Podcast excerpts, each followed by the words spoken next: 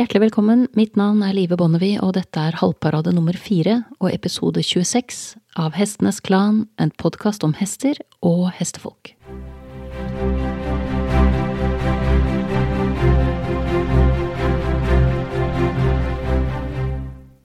Jeg ble første gang oppmerksom på Anna Blake for noen år siden da jeg leste noen veldig interessante blogger hun hadde skrevet.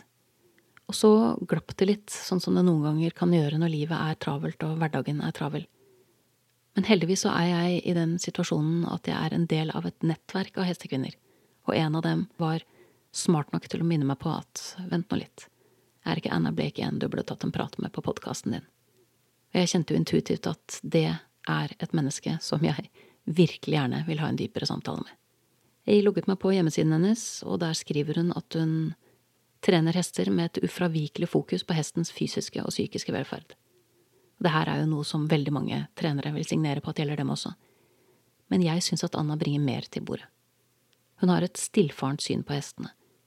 Hun har alltid fokus på verdighet, og hun har en betydelig kompetanse på å lese hestens språk, nærmere bestemt enn stempende signaler.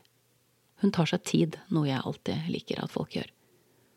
Og først og fremst bruker hun denne tiden til å fokusere på det hun kaller bekreftende trening, affirmative training. Målet hennes med denne treningsformen er å bekrefte hestens intelligens og lade hestens selvtillit med positiv energi og kraft. Og sist, men ikke minst, så er hun opptatt av å sette hesten først, noe mange påstår at de gjør, men svært få mestrer til det fulle. Anna Blake mener at vi står overfor et paradigmeskifte når det gjelder måten vi håndterer og forstår hester på. Hun mener videre at kvinnene er de som leder an, og oppfordrer kvinner som velger en mykere, rausere og mer tålmodig vei med hestene, til å lede an med selvtillit, fordi vitenskapen er i ferd med å bevise at de er på rett spor. Da er det viktig å understreke, det at det er rett spor er ikke det samme som at det er et nytt spor. Xenofon skrev The Art of Horsemanship for mer enn 2000 år siden, for å starte et sted. Som meg så mener også Anna at det ikke er dominans, underkastelse og respekt som er de viktigste stikkordene når det gjelder håndtering av hest og ridning. Det er snarere samarbeid, samspill og gjensidig forståelse som gjelder. Anna er ekstremt opptatt av hvordan hesten tenker. Vår tradisjonelle tilnærming bygger jo i stor grad på en forståelse av en lederhingst som setter de øvrige medlemmene i flokken på plass. Det er ikke så underlig at det ble sånn. To hingster som barker sammen er et spektakulært og kraftfullt skue. Og akkurat som i vår egen historie har vår oppmerksomhet en tendens til å dras mot konflikt. Historiebøkene kretser mye rundt de ekstraordinære dagene, under krig og slag, ikke rundt hverdagene. Men hva er det egentlig mest av i menneskenes liv? Hverdager, selvsagt. Der mennesker omgås med dempende signaler, akkurat som hestene, og i all hovedsak kommer overens. For meg er dette et veldig viktig perspektiv. At hvis jeg hadde kommet til jorden fra en annen planet og basert alt jeg visste om menneskene på det jeg leste i historiebøkene, da ville jeg gått glipp av utrolig mange lag av hva det vil si å være menneske. Slik er det også med hestene. Ved å fokusere på kampen mellom to hingster, så går vi glipp av det finstemte samspillet som utgjør brorparten av hestens naturlige liv. Hestene samarbeider. De er avhengige av hverandre og de er eksperter på å komme overens. Så hvorfor overkjøre dem med ufølsomhet, nøkking i grimer, viftende flagg, harde hjelpere og kompromissløs grådighet? Skal vi kunne kalle det et partnerskap, noe mange ynder å si at de strekker seg etter, så må det være to stemmer som begge blir hørt. Anna er opptatt av at det er mange misforståelser knyttet til hestens intelligens. Vi krever for eksempel at hesten skal respektere oss, men slik hestens hjerne er skrudd sammen, så er den ikke i stand til det. Den vet ikke hva respekt er, og det er et tankekors når man ser en del av treningsmetodene som verserer nå. Hestens hjerne er også sagt å være liten i forhold til kroppsstørrelsen, noe mange har tatt til inntekt for at hesten ikke kan være spesielt intelligent.